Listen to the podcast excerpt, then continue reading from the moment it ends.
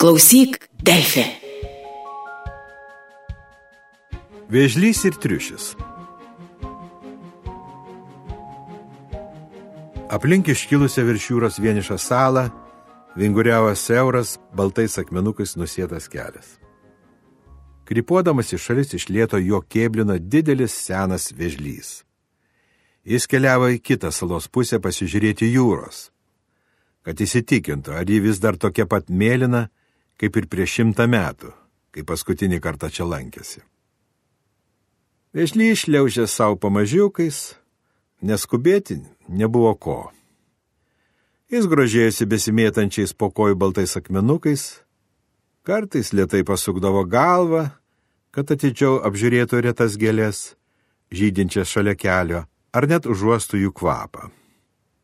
Ką tik jis buvo trumpam užsnūdęs pakelėje, kad pailsėtų ir atgautų jėgas.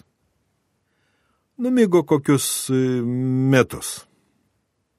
Nubudęs lietai pasiražė, nusižiovavo, prasitrynė užmėgotas akis ir patraukė toliau. Tiesa, per tuos metus jo tvirtas šarvas tapo panašus į didžiulį akmenį nes apaugo samanomis, kerpėmis ir kažkokiais baltais gribukais. Bet negi kreipsi dėmesį tokias smulkmenas. Tuo metu pro šalį prašiutpė greitasis triušis.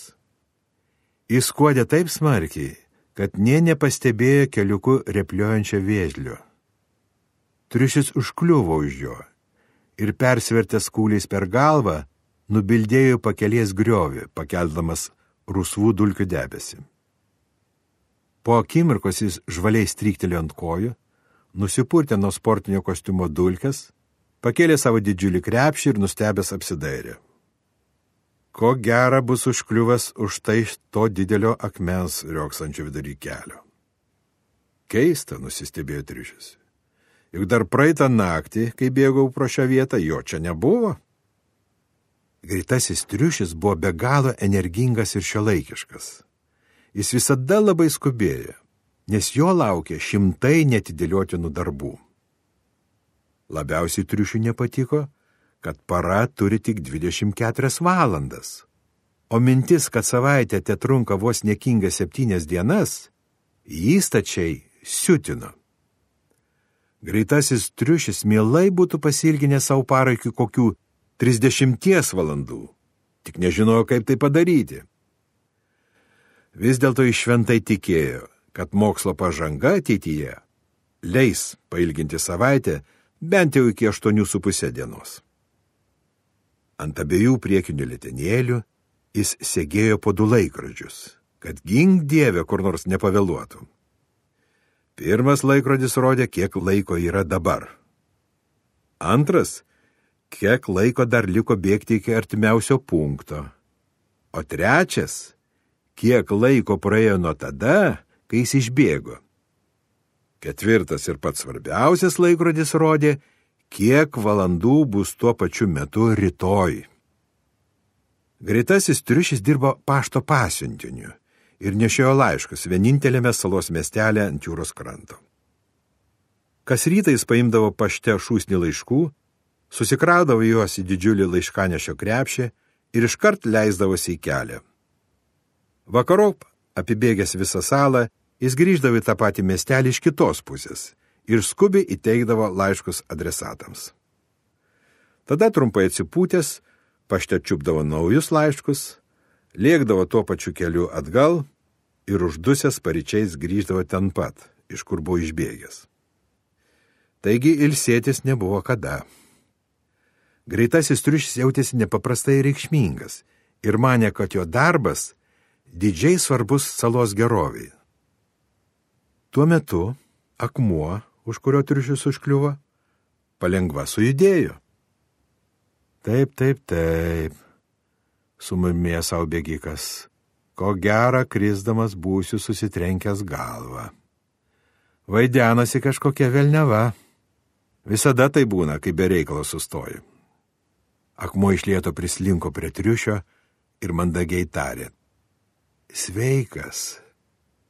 Ar čia tu taip greitai ką tik prabėgai? Taip, nes kiti bėgioja kitur. Ar tu visada toks greitas? Žinoma, nes aš nuolat labai skubu, pasigirė greitasis triušius. O kas tu toks? Niekada tavęs čia nebuvau sutikęs. Aš viežlys. Aš niekad niekur neskubu. Bet kodėlgi nustebo triušis? Visi juk skuba. Tik niekur nespėja, Ramiu balsu paprieštaravo viežlys. Aš neskubu. Todėl visada viską spėju ir turiu daug laiko. O man jo visuomet trūksta, pasiskundė triušis. Ir nervingai metė sakė į visus keturis savo laikrodžius pridūrė. Žinai, man jau laikas. O ką tu veiki? pertraukė jį senasis vėžlys. Čia triušis energingai mostaguodamas lėtenėlėmis, greitakalbė išklojo, ką yra nuveikęs praeitie, trumpai apžvelgė svarbiausius dabarties darbus ir argumentuotai nušvietė ateities veiklos gairės. Bet svarbiausia, ką aš planuoju, dar gerokai paspartinti tempą. Ryštingai pridūrė po kokios valandos, baigdamas kalbą. O man atrodo, kad jį tau reikėtų sulėtinti, suabejojo vežlys. Tavo darbai man padarė didžiulį įspūdį. Vis dėlto turiu tau vieną pasiūlymą.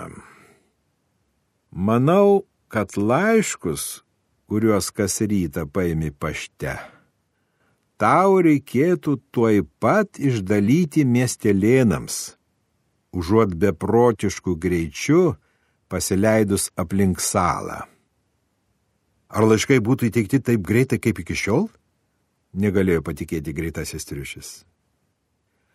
Netgi kur kas greičiau. O be to, tau liktų daug laisvo laiko. Bet ar tada visi mane tebe vadintų greituoju triušiu? Sunerimo bėgikas. Nežinau, bet kvailuoju tai tikrai ne. Ir būčiau toks pat greitas kaip iki šiol? Kaip vėjas, patikino jį senasis veždys. Be to tau dar liktų laiko naktį ramiai išsimegoti, pamatyti kokios gražios gėlės ir kokia mėlyna jūra. Atsigulti ant žolės ir sukryžiavus lėtenėlės stebėti danguje debesis.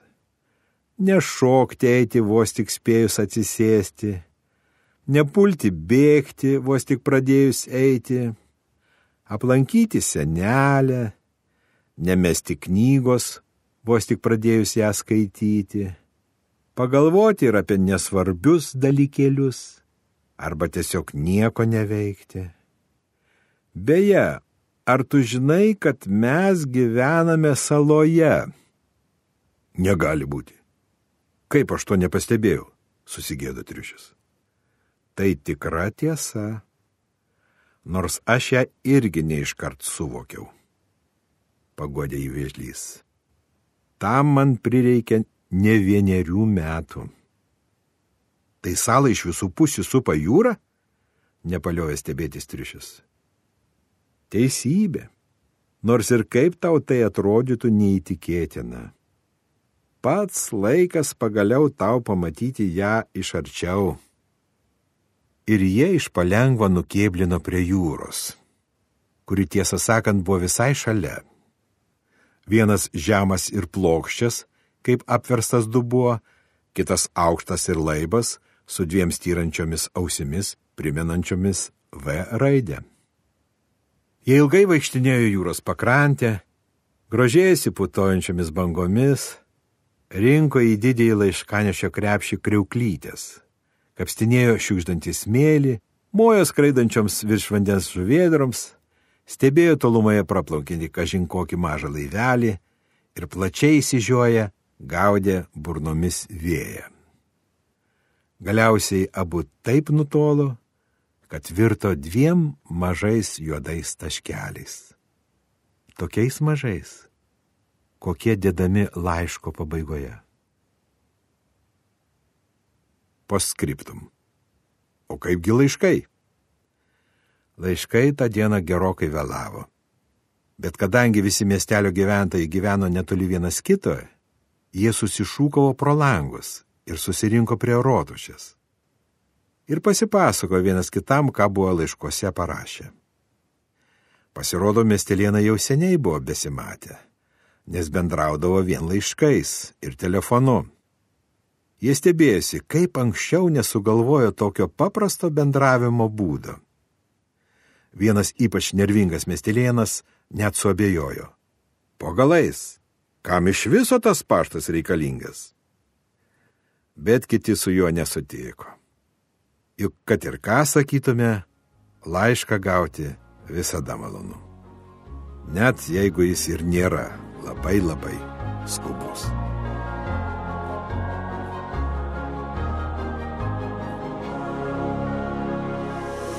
Klausyk, Delfė.